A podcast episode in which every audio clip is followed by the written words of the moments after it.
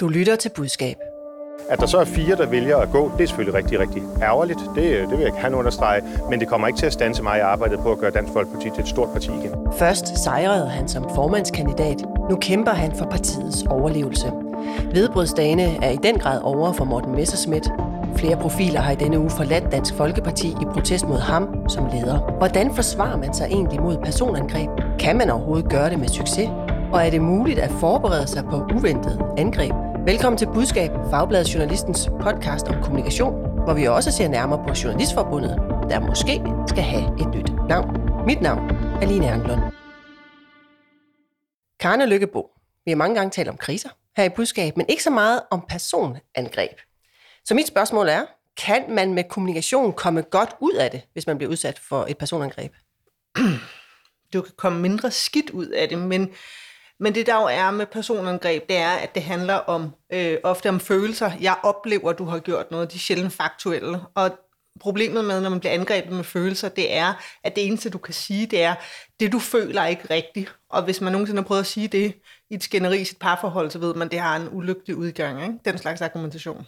Okay. Velkommen. Tak. Managing partner i Gelmeiden Kise. Thomas Hundsbæk, du får samme spørgsmål. Kan man med kommunikation løse personangreb?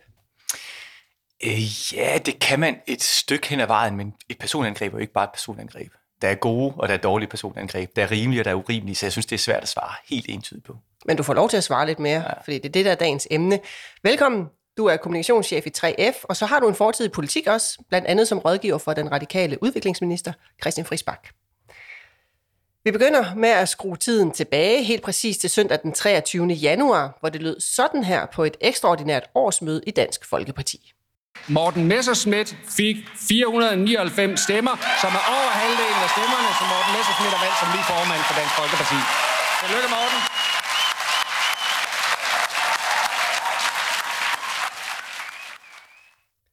Ja, 60 procent stemte på Morten Messerschmidt som ny formand tilbage i januar. Her knap en måned senere, nemlig mandag i denne uge, lød det så sådan her på de danske nyhedsstationer.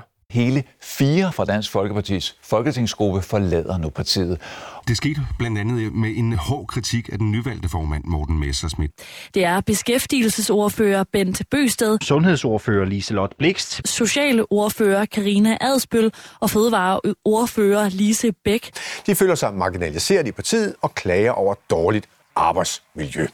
Man skal måske lige sige for en god ordens skyld, at dagen efter meldte en femte sig så ud af partiet, nemlig Hans Christian Skiby. Men Thomas Hundsbæk, da vi talte sammen i går, der sagde du, at Morten Messerschmidt måske kunne have forudset det her, der skete mandag aften. Hvordan det? Ej, jeg synes ikke, han kunne have forudset at, øh, et, det koordinerede angreb, men han kunne have forudset, at der ville komme øh, nogle rigtig grimme personangreb. Altså han var jo kun havde kun været formand i 20 minutter, da Martin Henriksen var ude at sige, at hans person stod der ikke på. Martin Henriksen har trods alt fået noget, der lignede en tredjedel af stemmerne. Øhm, og havde et, øh, havde et bagland, som formentlig var enige med ham i, øh, nogle ret krasse kritikpunkter omkring Morten Messersmiths øh, person. Så selvfølgelig øh, var der øh, forventeligt nogle personangreb, og sikkert også nogle udmeldinger. Så, så han kunne have forudset nogle personangreb, men ikke nødvendigvis det her? Ikke så koordineret angreb, øh, som, som, det her jo, øh, som, som det her jo var for, for fire. Ikke backbencher, sådan en mellemgruppe øh, folk. Øh, så ja, det, det, det, det burde han øh, have kunne forudse. Okay, lad os se lidt nærmere på selve angrebet så, for det kom jo i denne uge. I mandags den 21. februar, der gik Berlinske ud med breaking news kl. 18.57. Fire fremtrædende DF'er melder sig ud i protest mod Messerschmidt, som leder hed det. Et minut senere, der bragte DR.dk en tilsvarende artikel. Begge øh, medier havde citater fra afhopperne. Kritikken gik på, at Messerschmidt var en, eller er en dårlig leder. Han virker ikke ægte, siger de, og en kalder ham endda en folkeforfører. Den ene af afhopperne er Liselotte Blikst. Hun stillede op til interviews i flere medier, blandt andet TV2. Jeg stoler ikke på Morten, der siger et og gør noget andet. Og det er svært, som du selv siger, man har siddet her rigtig mange år, øh, så det er ikke bare noget, man gør på en nat. Der har været mange overvejelser, men de sidste to møder, vi har haft i gruppebestyrelsen og hovedbestyrelsen, det var dråben, der fik mit bager til at flyde over. Ja, ifølge Liselotte Blikst var det altså lidt tilfældigt, at det endte med at blive de fire, som sammen gik til pressen om at melde sig ud, eller melde ud, at de havde meldt sig ud af DF. Men når det blev sådan, var det ifølge hende, fordi de på den måde kunne støtte hinanden i processen. Det var på nippet, at jeg selv var gået ud, altså ugen før. Øh, det var meget tæt på, men øh, jeg holdt og alligevel sagde jeg, at jeg venter til efter vinterferien og, og snakker med de andre, og så får vi lavet den her artikel om, hvorfor. hvor vi vil gerne selv forklare, hvorfor vi går ud. Og det er grunden til, at vi har lavet en aftale med Berlinske. Øh, grunden til, at vi så også DR kom med, det var fordi, at DR ville lave et interview med mig om, at nu var det, jeg havde frygtet, sket, og det lå jeg meget op i, det var ligesom også grunden til, at jeg gik. At jeg har svært ved at holde på noget øh, hemmeligheder og sådan nogle ting, og derfor lavede jeg så en aftale med dem om, at hvis de kunne lade være med at sige noget, så øh, kunne jeg godt finde ud af at lave nogle øh, optagelser, som de kunne bruge, når Berlingske havde bragt artiklen. Ja, her fik vi altså lidt baggrundsinformation om, hvordan forløbet har været. Altså, at, at, at det er koordineret. Øh, de går ud til medierne.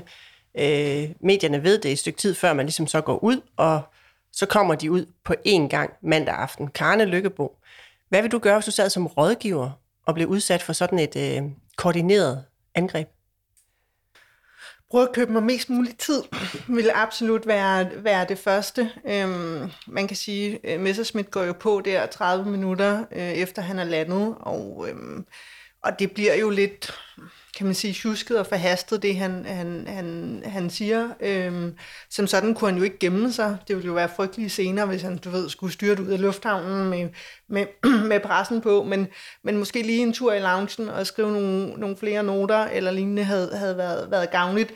Fordi det er jo at sige, hvis du står alene, du er fuldkommen uforberedt, dit angreb er ikke noget, der, altså mod et angreb, der ikke rigtig kan modbevises. Jeg kan ikke lide dig, nå, okay, jamen du har ikke rigtig, du ved, noget fakta, du kan komme op imod. Så prøv at sige, hvordan kan jeg købe mest mulig tid for at... Men hvordan, gør man det? hvordan køber man sig tid i sådan en situation her?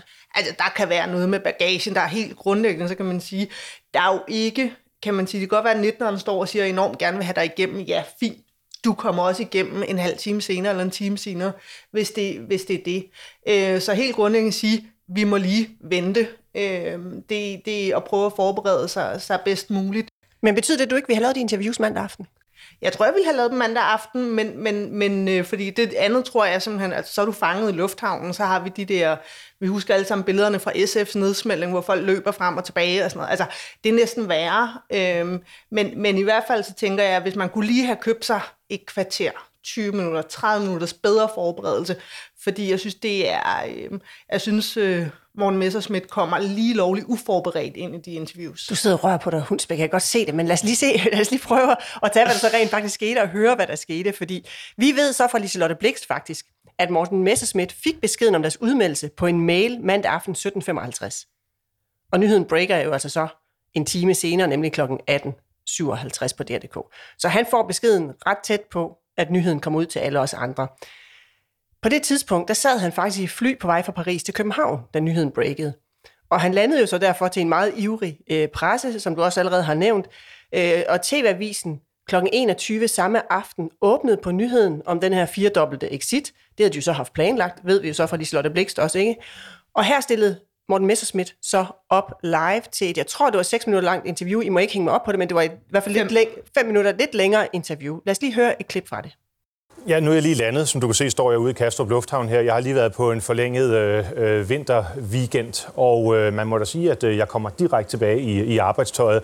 De fire, der nu har øh, meldt sig ud her, har alle sammen fået tilbudt øh, en række ting i den konstituering, som øh, vi har lavet igennem de seneste øh, uger. Det er så ikke det hele, de har valgt at øh, tage imod, men øh, jeg må sige, det, at de så træffer den her beslutning i dag, det kommer lidt bag på mig, men det må jeg selvfølgelig tage til efterretning. Sådan er det. Ja, Hundsbæk, nu sad du rørt på dig før, og nu kan du så få lov til at kommentere. Vil du have rådgivet ham til at stille op til det her interview i TV-avisen? Nej, det vil jeg helt sikkert ikke. Altså, øhm, der er jo mange måder, man kan, man kan tage sådan et interview på, og jeg tror ikke, der er nogen bare udenom, at han i løbet af aftenen skulle tage et interview. Men at stille sig op til et live, øh, så mister man fuldstændig kontrollen.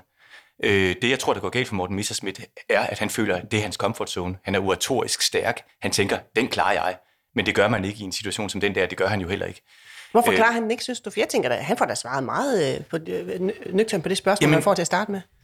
Altså, for det første vil jeg sige, at han har, han har brug for noget rådgivning her. Mm. Og det her det er den sværeste. Nu siger du, hvad er der noget, der karakteriserer personangrebs øh, øh, rådgivning, så vil jeg sige, ja, det, det, det er, at der ikke er nogen drejebog, og det er måske den sværeste disciplin overhovedet, fordi at man som person, der bliver udsat for de her angreb, øh, magtperson typisk, så har man, man står et sted, hvor man øh, er, har paraderne op, den naturlige reaktion, når man bliver udsat for personangreb, og anderledes, når man bliver udsat på et fagligt angreb, det er, at man, det er, at man øh, siger, nej, øh, arrogant, nej, jeg er da ikke arrogant.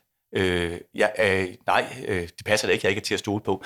Som du også sagde før, ups, det er jo ting, man ikke rigtig øh, kan føre bevis for, men man står i en forsvarsposition og kommer til at argumentere med noget, der er fuldstændig umuligt at argumentere imod. Øhm, og, øh, og derfor bliver den nonverbale kommunikation øh, ret vigtig, fordi at du ret let kan komme til faktisk at bevise, øh, føre bevis for den påstand, der bliver rettet mod dig. Altså nonverbalt, tænker du kropsprog, Ja, altså, hvad han, tænker han, du? han, han er landet fra Paris. Han har lige postet en hel masse øh, dyre skoindkøb med sin kæreste, som han har været kæreste med gennem 15 år. De har været på måneds weekend. Mega ufolkelig. Han står med en charmeklud, en ternet øh, habit, og han taber tæller med Det vel åbne, sådan, han ser ud, tænker jeg. Ja, ja, det er det. Men jeg vil have været som rådgiver her, at sige, der er de små signaler, der er de store signaler. Der er det, du skal sige, der er det, du skal udtrykke. Det her det er jo en kamp om sympatien. Og jeg synes, han taber øh, sympatikampen. Han siger faktisk ret, ret mange rigtige ting. Der er ingen tvivl om, at Morten Messerschmidt græder. De, tør, de tårer, han græder, de er sådan lidt halvtørre. Han er ved at genvinde kontrollen over øh, et parti, som man faktisk ikke har haft kontrol over, siden han blev formand, fordi han nu øh, sidder på flertallet. Så han, han, er jo, han er jo dybest set ikke rigtig ked af det. Han siger mange rigtige ting, men det kommer ud på en måde, hvor han faktisk kommer til at føre bevis for den øh, for, for de angreb, der bliver ført mod ham. Kunne han have undgået det, hvis han havde ventet, synes du? Eller var det Han kunne have været meget, meget mere øh, spids på, han kunne have fået noget rådgivning. Det er, den- da jeg startede med at sige, at det her det er den sværeste rådgivning, det er fordi, du skal ind og rådgive der, hvor det gør rigtig ondt på folk. Du vil sige, Morten, du er faktisk en lille smule arrogant. Du er faktisk en, der godt kan komme til at ligne en, der ikke er til at stole på. Alt det, alt det der, hvor man skal bringe sig selv meget i spil som rådgiver. Øh, og det er der brug for noget tid til. Karne, tænker du også, at det sværeste, øh, altså den sværeste rådgivning er faktisk de her personangreb i krisesituationer? Desværre sværeste det rådgivning er altid, det handler ikke nødvendigvis om personangreb, men hvis der er noget at komme efter. Jeg er ikke helt enig med den der charmeklud og så videre, fordi DF'erne, det er jo ikke sådan, at Morten Messerschmidt er sprunget ud som øh, frankofil øh, sådan overnight. Altså, den, den holder ligesom, så, så det er ikke med de små signaler. Men, men, men det er jo at sige, han går ind i det interview og tror, at han kan tage det on the fly, fordi at han er enormt retorisk stærkt. Og det gør bare, at det bliver tjusket, og det bliver overfladisk, og det bliver sådan lidt affejende. Og der tror jeg en lidt mere dyb indånding. Øh, jeg, jeg er ikke enig i, at man ikke skulle tage den øh, live, men jeg siger, at den der live er uforberedt.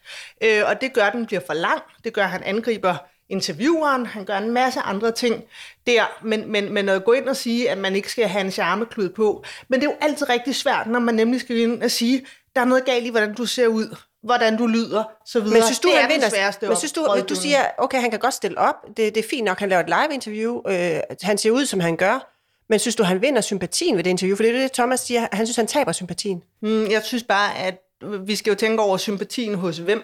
Øhm, og der kan det godt være, at vi står, øh, står udefra. Jeg tror umiddelbart, at der også er rigtig mange DF'ere og Dansk Folkeparti vælgere, som har bakket op om Messersmith som, som, som formand, som, som siger, min sympati ligger altså stadigvæk hos dem, der stiller sig op og, og, og kæmper. Øh, den her kritik var der også under øh, formandsopgøret, den er ikke ny. Så, så jeg er ikke helt enig i, at han mister sympatien hos dem, han skal have den hos, altså DF-vælgere og DF-medlemmer. Men lad os lige prøve at høre et klip mere fra mandag aften i, i, i TV-avisen, for det var som sagt et lidt længere interview. Og selvom Messerschmidt var ærgerlig, han sagde, at han var ærgerlig, så købte han ikke præmissen om, at der var decideret ballade i partiet, som intervieweren Kåre Kvist spurgte ind til. Lad os lige høre et klip. I måneder har vi jo i medierne hørt, hvad jeg vil sige, den øh, samme sang. Altså, nu bliver der ro, nu bliver der ro, ah, nu bliver der ro. Og balladen den vokser bare øh, dag for dag, uge for uge. Hvad med de vigtigste, altså vælgerne? Hvordan skal Gør vælgerne det? have tillid til sådan et altså, parti og til dig som leder? Den præmis. Er det helt rigtigt? Er det helt rigtigt? Altså, har der ikke været ro øh, de seneste uger? Det synes jeg, der har været. Altså, jeg tror sådan set, den stemning, I havde pisket op forud for årsmødet, og hvad der skulle ske derefter, den er da fuset noget ud. Ja, du sidder og smiler. Øh, Jeg ved ikke, hvad der ligger bag det smil, Thomas Hundsbæk. Jamen det, når, når man rådgiver, så er det jo, øh, når man har en, der er stærk i medierne, så siger man ret ofte, hvis der kommer en fejlpræmis, så skyd den ned. Øh, det, det, det står man så godt i. Det her det er jo et eksempel på, at øh, det har han måske hørt en gang for meget. For det her, det bliver jo decideret komisk. Altså at påstå, efter at fire mennesker har meldt sig ud, at der ikke er uro i partiet, det er jo komplet latterligt. Og det er faktisk også derfor, vi vendte tilbage til den pointe, jeg havde før. Det er jo derfor, han ikke skal tage det live-interview, for man kan styre ikke selv. Man kan ikke styre, om et live-interview er kort eller langt. Man kan ikke styre, hvor det bevæger sig hen. Man kan ikke styre, øh, øh, øh, og, og dybest set i sådan en situation, hvor han jo er mere følelsesmæssigt påvirket, end han giver udtryk for, kan han heller ikke styre sig selv. Og det, der går galt her til sidst, det er, at han faktisk også mister kontrollen over sig selv. Men Karne, hvad er det gode svar? Altså, når man så stiller sig op til det her interview, øh, enten live eller ikke live, det kan I så være uenige om, hvad der er den gode strategi. Men, men hvad er så de gode svar, man skal komme med, når man bliver udsat for personangreb? Altså, for det første er, at du kan ikke gå i rette med andre folks følelser. Altså det er, og, og hvis vi kigger ud, ud over Messerschmidt-tanken og kigger sådan generelt på kommunikation øh, lige for tiden, så har vi en udfordring med, at følelser er ligesom blevet vores legitime øh, talemåde. Det handler både om, når, men hvorfor vil du ikke have en coronavaccine? Jeg føler ikke, den er sikker. Så videre følelser, og så, kan du, så er du ligesom skakmat på den måde. Så, så det handler om, at du kan ikke kommunikere ind mod følelser, du kan ikke negligere dem. Du kan kun sige, det kan jeg anerkende. Jeg forstår, at du har det sådan. Øh, og så har, altså generelt, så synes jeg jo altid ligegyldigt, om det er øh, personangreb, eller hvad det ellers er, men når vi er i en emotionel kontekst, jamen så er der en ramse, som man altid skal huske. Det handler om at kommunikere hoved, hjerte og hænder. Meget simpelt. Jeg har tænkt mig om. Øh, jeg er klog. Jeg er ikke forhastet. Jeg står ikke og, og, og, og ligner komiske Ali. Jeg er empatisk. Jeg anerkender, at det er din oplevelse. Det, det, det må jeg gøre, ligegyldigt om det er sure politikere eller sure øh, forbrugere. Og så er jeg handlekraftig, fordi det, der er med Morten Messersmith i det interview, det er, at han siger jo heller ikke noget som helst om, hvad han tænker sig at gøre. Nu vil jeg tale med folk, nu vil jeg gøre, nu vil jeg i morgen. Øh, og Men han siger, at han vil lave politik, ikke også? Han vil gennemføre sit politiske jo, jo, jo, program. jeg vil lave ja. politik, det er bare sådan nogle ord. Altså helt grundlæggende, så er det bare sådan, at siger, skriv de tre noter ned og siger, hvordan beviser jeg klog, hoved, hvad siger jeg for at have hjerte, empatisk, og hvordan viser jeg, at jeg har hænder, altså at jeg reelt agerer på ting. Når du skriver dine noter efter det, så vil jeg sige, så, øh, så kommer du i hvert fald bedre ud af det, end at prøve at gå ind og tage et interview on the fly. Viser han, at han er hjerte, synes du? Nej, det gør han ikke. Det gør han ikke overhovedet. Han går ind og siger sådan, det må jeg jo tage til efterretning, men i stedet for ligesom at sige, øh, jeg er rigtig ked af, hvis de har den opfattelse, øh, jeg vil nu prøve at ringe, jeg vil nu ringe til dem og snakke med dem. Han siger, de har ikke snakket med mig, men han siger ikke, ved du hvad, øh, i stedet for at tale med dig lige nu, så vil jeg faktisk gerne ringe til de fire medlemmer og have en snak med dem. Thomas, du markerer, men kan vi lige tage et klip fra om tirsdagen? Det kan du tro. Først, fordi øh, det her det fortsætter jo, altså krisen udvikler jo, så jo vildt mens han taler, fordi så dagen efter, så melder Hans Christian Skibby sig ud, også øh, som, som, jeg, som jeg fik nævnt før, tirsdag morgen, og der er der altså også et gruppemøde inde på Christiansborg, så der tropper han ligesom op på Christiansborg, møder denne her øh, markante presse, som står der øh, igen, og selvfølgelig gerne vil have nogle øh, svar, øh, og der kom blandt andet det her svar fra ham. Det jeg bare gerne vil, og det synes jeg egentlig er et meget ydmygt ønske, det er, at folk de kommer til mig, eller en anden i ledelsen, hvis de har øh, den slags øh, bekymringer, og måske lige venter en, en omgang, inden man melder sig ud af partiet og fortæller det til pressen. Men har du start som formand her? Er det en god start som formand her? Jeg tror, uanset hvem der var blevet valgt som formand, så øh, havde det været en, øh, en, øh, en drøg start. Altså, at det her er et parti, som, øh, som, øh, hvor det kommer til at tage noget tid, øh, før vi vender tilbage. Både til fordom styrke, eller bare noget, der minder om det. Ja, der har han jo så haft en nat til at sove på det, og tænke sig om, jeg ved så ikke, om han har sovet den nat, men Thomas Hundsbæk, øh, hvad tænker du om udviklingen i hans kommunikation? Jamen, han er jo helt klart øh, blevet en lille smule mere ydmyg. Altså, han er jo ikke ved at skyde en præmis ned om, at det her det er et, øh, et, et parti med uro. Han siger sådan set, at den hele tiden har været der, lige pludselig. Øh, som jo er, står i, i græn modsætning til, hvad han sagde aften Er det før. godt? Øh, det er bedre end aften før. Øh, jeg synes faktisk, det sjove er, at han virker på meget autentisk. Han virker usikker her. Og det viser også lidt om, at autenticitet øhm, øh, er, øh, er, er vigtig. Det gør faktisk ikke noget, at Morten Messersmith i den her situation står og fremstår en lille smule usikker. Det er faktisk en lille smule mere øh, troværdighedsopbygning, at han stod, som han gjorde ude i lufthavnen. Øh, men jeg synes i forhold... Øh, altså jeg synes jo i virkeligheden, at noget, der også er gået lidt galt her øh, med dramaturgien, det er, jeg er faktisk øh, jeg, jeg er helt enig i de tre ting, du siger før, men når man står med så stor en sag som Morten Messersmith, så behøver man ikke gøre det alle tre ting på én gang. Altså det her jeg, hoved, hjerte, hænder? Jeg ville have været hjerte i lufthavnen. Jeg ville have været ren hjerte. Jeg ville have været ked af, at de der folk var trådt ud. Øh, jeg ville have faktisk have sagt, at det var gode kræfter, som man godt kunne have brugt i partiet. Jeg ville have sagt alle mulige ting, som, øh, øh, som var inde i, inde i hjertet. Jeg ville have vist, at han var ked af det. Jeg ville have øh, trådt i handlingsmål på dag to og sige, hvad er det så, vi gør? Øh, og, og, og, og her bliver det igen lidt en lille smule mudret, for han gør lidt det hele. Ja, det er svært, og det, han er stadigvæk lidt sådan et, et rum, hvor jeg ikke rigtig ved, hvad det egentlig er, han gør, øh, hvad det egentlig er, han vil med det budskab, han kommer med, øh, hvor han er angreb. Der vil jeg nok have sagt, øh, ja, Morten, du skal gå ud nu og sige, øh, hvad, hvad, hvad, hvad er det, øh, vi gør herfra for, den her, for det her øh, absolutte lavpunkt, vi står på lige nu. Men Karne, øh, har du et godt råd til? Altså nu bliver han jo mødt af en mur øh, fra pressen mandag aften. Altså, jeg ved ikke, hvor mange der stod i lufthavnen, men der er helt sikkert været nogle medier til stede. De står inde på Christiansborg tirsdag morgen. Altså det, det kan jo være ret voldsomt, når man står i de her kriser med den frodende presse lige over for en. Har du et godt råd? Hvad gør man, når man står over for den der mur? Med mikrofoner og øh, ivrige spørgsmål og... Altså, der er jo sådan et, øh, der er jo sådan et gammelt medietræningsråd om, at du visualiserer dig, hvem du taler til. Altså, det er sådan helt, helt banalt.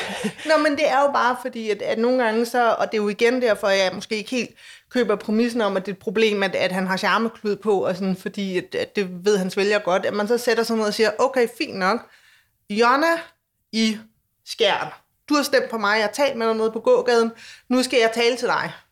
Øhm, og det er sådan en gammel medietræningsråd, at, at man så ligesom glemmer, og så siger man, okay, jeg tænker på Jonna, jeg tænker på Jonna, hvad skal Jonna høre fra mig?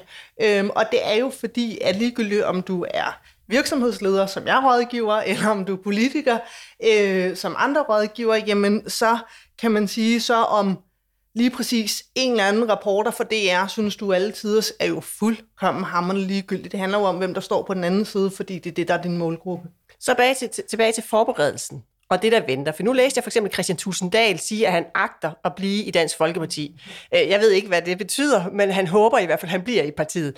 Så hvad er det, Morten Messersmith skal gøre sig selv sammen med sin rådgiver?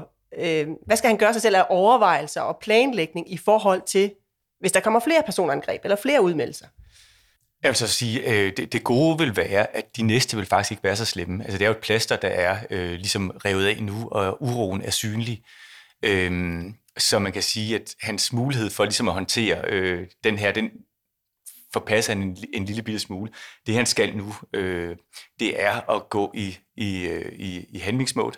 Han skal sige, hvad er det, øh, jeg gør nu for at samle partiet. Der skal være nogle meget, meget konkrete handlings, øh, handlingsspor, øh, som han kan kommunikere han skal have, han skal have sine, øh, han skal have sine sætninger klar også. Jeg synes jo, jo det, der, det jeg tror... Hvad der, mener du med sætninger jamen, klar? Det, er, det, det, er faktisk fordi, at Morten Messersmiths styrke bliver her hans svaghed.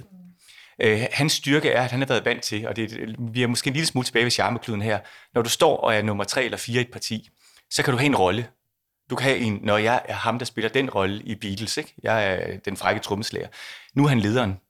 Han skal faktisk fagne partiet, han skal faktisk også afspejle baglandet. Han skal være han, skal være, øh, han vil gerne gøre det til et stort parti igen, som han sagde det allerførste klip. Det gør han ikke ved at være en fløj af Dansk Folkeparti. Han skal være hele Dansk Folkeparti. Han skal være hele det der øh, gule Danmark, som øh, det parti har lykkedes med at give en stemme gennem 25 år. Øh, og derfor skal han også øh, kigge på sin rolle, øh, om det er øh, konkret er en charmeklud. For mig bliver det lidt symbolsk, om det er en charmeklud, vi taler om. Men han skal bare, han, han har behov for at lave et rolleskift. Han kan ikke blive ved med at være den gamle Morten Messerschmidt alene. Øh, og hans, øh, når jeg siger, at han bliver, hans, øh, han bliver sin egen værste fjende her, så er det jo fordi, han har været vant til at kunne klare den på charmen, det glimt i øjet. Øh, og det, øh, og det, øh, den, den går simpelthen ikke længere. Ja. Vi lukker ned for Morten Messerschmidt-debatten her, personangreb, øh, og så må vi jo se, hvad der sker. Og så skal jeg måske lige sige for en god ordens skyld, at Morten Messerschmidt, øh, vi har været, øh, han har svaret os, at han ikke har haft tid til at kommentere eller give interview til budskab, så er det på plads.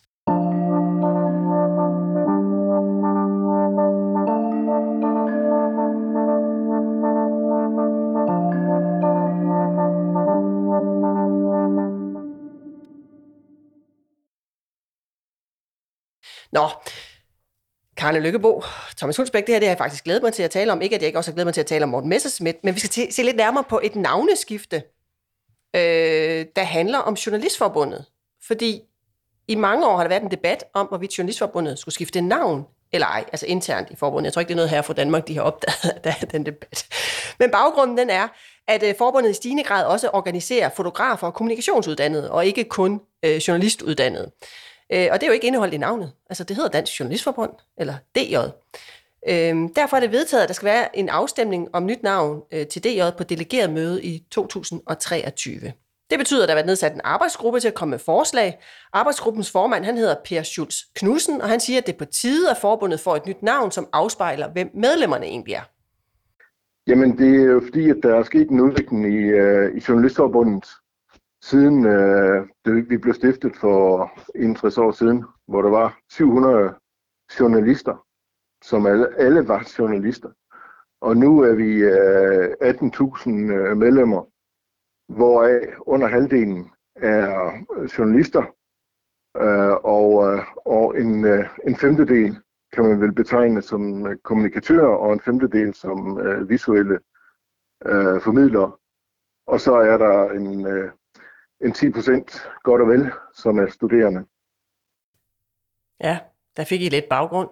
Øhm, men I får også lov til at komme med en holdning. Er det godt, at, at, at, at et navneskifte en god idé? Ja eller nej, Thomas Hundsbæk? Øh, et, til Dansk Journalistforbund, eller sådan generelt? Til Dansk Journalistforbund. Øh, det, det er jeg ikke sikker på. Men jeg, jeg, det, hvis jeg skal Ja sige nej? lige, øh, det tror jeg faktisk ikke, det er. Nej, okay. Karne, ja eller nej? Synes du, de skal skifte navn? For det er jo ikke besluttet endnu, så I har jo mulighed for at påvirke processen, kan man sige, med gode Det har indspark jeg her. simpelthen ikke nogen holdning til, om, om det er en god idé, men der er åbenbart et behov for at køre en proces. Om den så ender i den store syltekrukke, det øh, kunne der Hvis nu de kom til dig som rådgiver, betalte Gil Martin Kisen for at komme med noget rådgivning her, vil du så sige, øh, ja, fortsæt med det, eller vil du lukke det ned og sige, ah, Jeg vil jo spørge om, hvad baggrunden var at sige, er det fordi, der er en masse intern ballade om, at der er en gang imellem er nogen, der siger, det vil jeg ikke, eller er det fordi, I simpelthen siger, okay, øh, Djøf eller kommunikation og sprog og så videre har en masse medlemmer, vi godt kunne tænke os at, at trække over, og der har vi lavet en undersøgelse, der viser, at navnet er en stor barriere.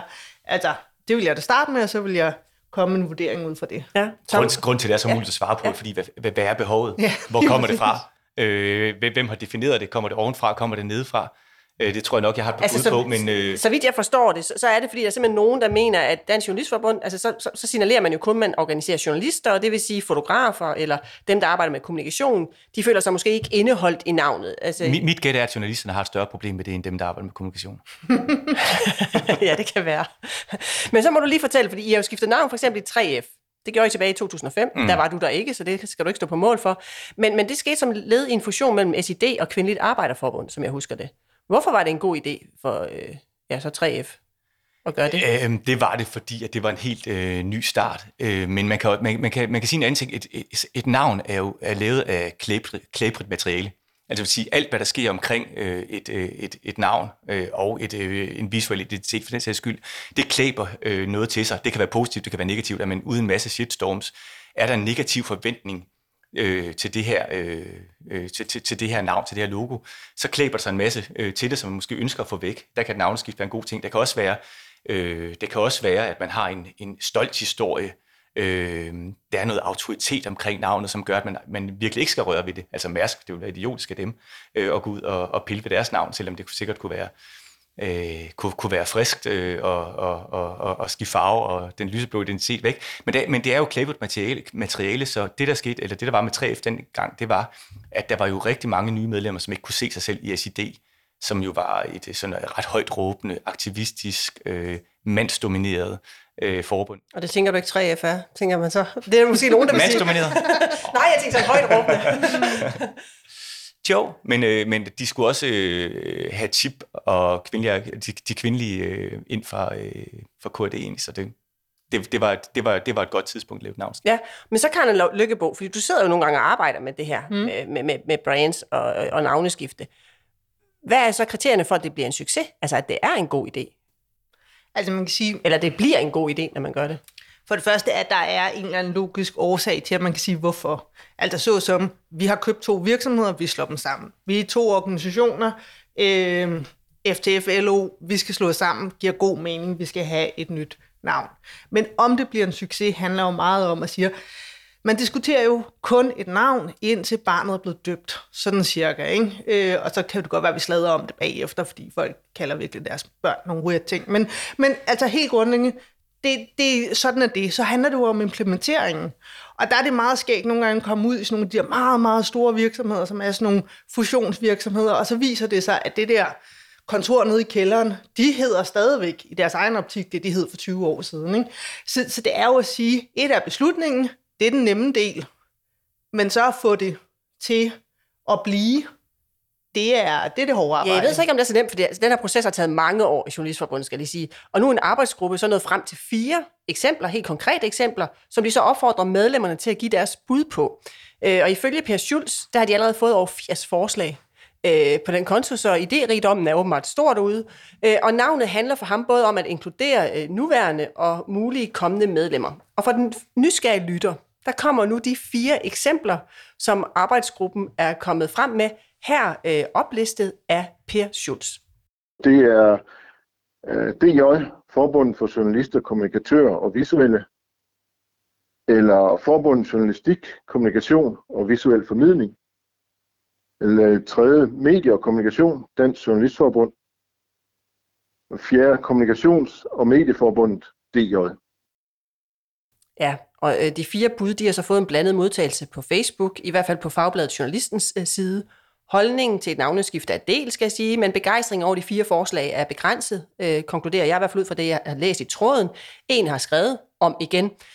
Thomas Hundsbæk, nu hørte du de fire navne, jeg har også skrevet dem ned her, så jeg kan, hvis I gerne lige vil høre dem igen, så kan I få dem. Men synes du, tænker du yes, eller tænker du også om igen, når du hører de fire bud? Jeg tænker om igen, men, men øh, det går jo ikke galt med kreativiteten. Der, hvor det går galt, det er det mandat, som den her arbejdsgruppe har fået. Altså, man er jo blevet bedt om, øh, hvis, man, altså, hvis man skulle lave sådan en forestillelse, der var en, en kok på en restaurant, så skal vi lave noget, der er salt og sødt, det skal være vegetarisk, men der skal også være lidt kød i. Altså, det er helt håbløst mandat. Altså det er fordi, øh, de har fået et mandat, der hedder... Altså, jeg vil så sige, det er ikke et bindende mandat, men altså, oplægget er, at ordet journalist eller DJ øh, gerne må indgå i det nye navn, men det er så ikke bindende, man kan godt vælge en helt anden løsning, skal jeg lige sige. Men det synes du er håbløst. Hvorfor? Øh, jeg, jeg, jeg synes, jeg læste, at mandatet var lidt bredere end det, ikke? Øh, er Eller øh, mere omfattende. Anyway, øh, jamen, jeg synes, det, jeg synes, det er en, en super svær opgave. Jeg synes, man, man, man, øh, øh, man vil rigtig, rigtig mange ting, men man har ikke defineret, hvad det er for et problem, man vil løse. Øh, og, og det har man vel ved, at man siger, at det her navn skal ligesom indeholde nej, fordi, de visuelle nej, og de... Nej, fordi at, hvor kommer behovet fra? Øh, har, har man et problem i markedet? Har man svært ved at rekruttere nedefra blandt kommunikatører, fordi at det er journalistforbundet? Eller er det journalister, der helst ikke øh, vil have deres identitet besmittet af sådan nogle folk som os?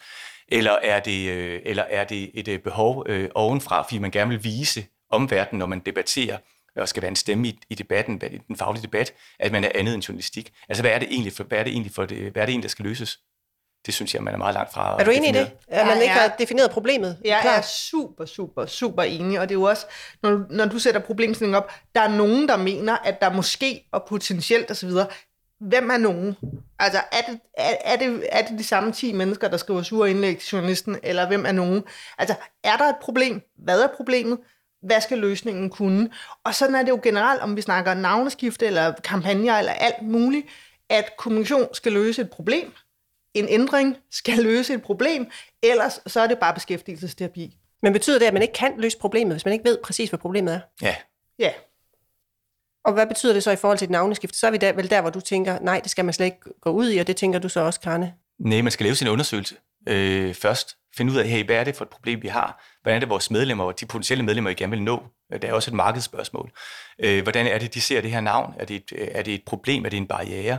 Hvad er det for værdier, der knytter sig til navnet? Er de negative? Øh, det tror jeg faktisk ikke, de er, øh, vil mit bud være. Men, øh, men er det det, så kunne man også godt sige, så styrker det overvejelsen om, øh, om hvorvidt man skal et navnskift eller ej. Men de ting skal man være lidt spids på først. Okay, men jeg vil jo gerne bare høre, altså nu fik vi de her fire bud. Øh, I lyder ikke som om, I er vanvittigt begejstret, men har I selv et bedre bud, Karne? Nej, men det har vi jo ikke, fordi vi ikke ved, hvad, hvad, hvad problemet er. Men helt grundlæggende skal man sige, at den her ting med, at det, det er et stort problem for, for kommunikationsfolk, at de ikke føler sig fagnet i Journalistforbundet. Kommunikationsfolk er jo medlemmer alle mulige steder. De er medlemmer hos Djøf, de er medlemmer hos lederne, de er med, altså kommunikationsfolk, de færreste har jo en baggrund, hvor de har læst kommunikation. Øh, folk inde hos, hos, hos mig, vi har været efterhånden 50 folk, øh, jamen de er CBS'er og historikere og antropologer, og jeg skal komme efter dig. Øh, så derfor er der ikke det der enormt store behov for at sige, hvis der ikke står kommunikation, så er det ikke mig.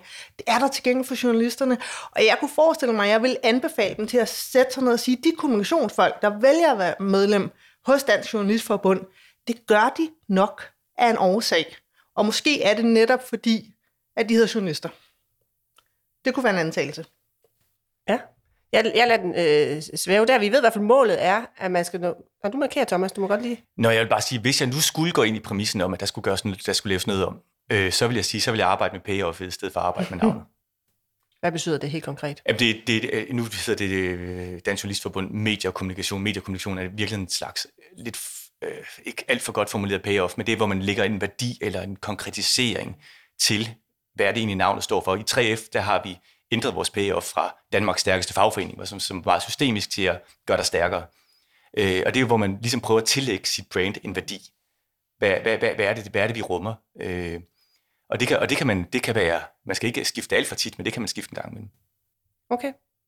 Vi øh, sender det her videre ud i systemet, øh, i debatten, og målet er som sagt, at man til, til, det er svært at sige, delegeret møde i 2023 kan stemme ja eller nej til et konkret bud. Så må vi jo se, hvad der sker til den tid. Og Karne Lykkebo, er Genmeiten Kise et godt navn? Nej, det er frygteligt. det er simpelthen et frygteligt navn, men sådan er det jo nogle gange, når man har nogle stifter og nogle mærkelige navne. Jeg bliver så glad, når jeg går forbi, går i sådan en fedderspils øh, store bygning på Rådhuspladsen, for jeg tænker, der er nogen, der har det værre end os. jo, jo, tak. Jeg har, jeg har øvet mig på at sige det, så det er ja. godt. Nå, men Karne Lykkebo, managing partner i Gelmeiten Kise. Tak for dagens gode råd. Og tak til dig, Thomas Hundsbæk. Det er lidt det, at sige. 3F, der er du kommunikationschef.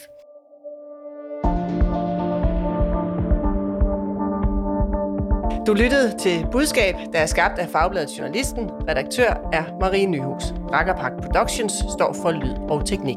I dagens afsnit har du hørt klip fra TV2, DR1, P1, Radio 4, 24-7 og DR2.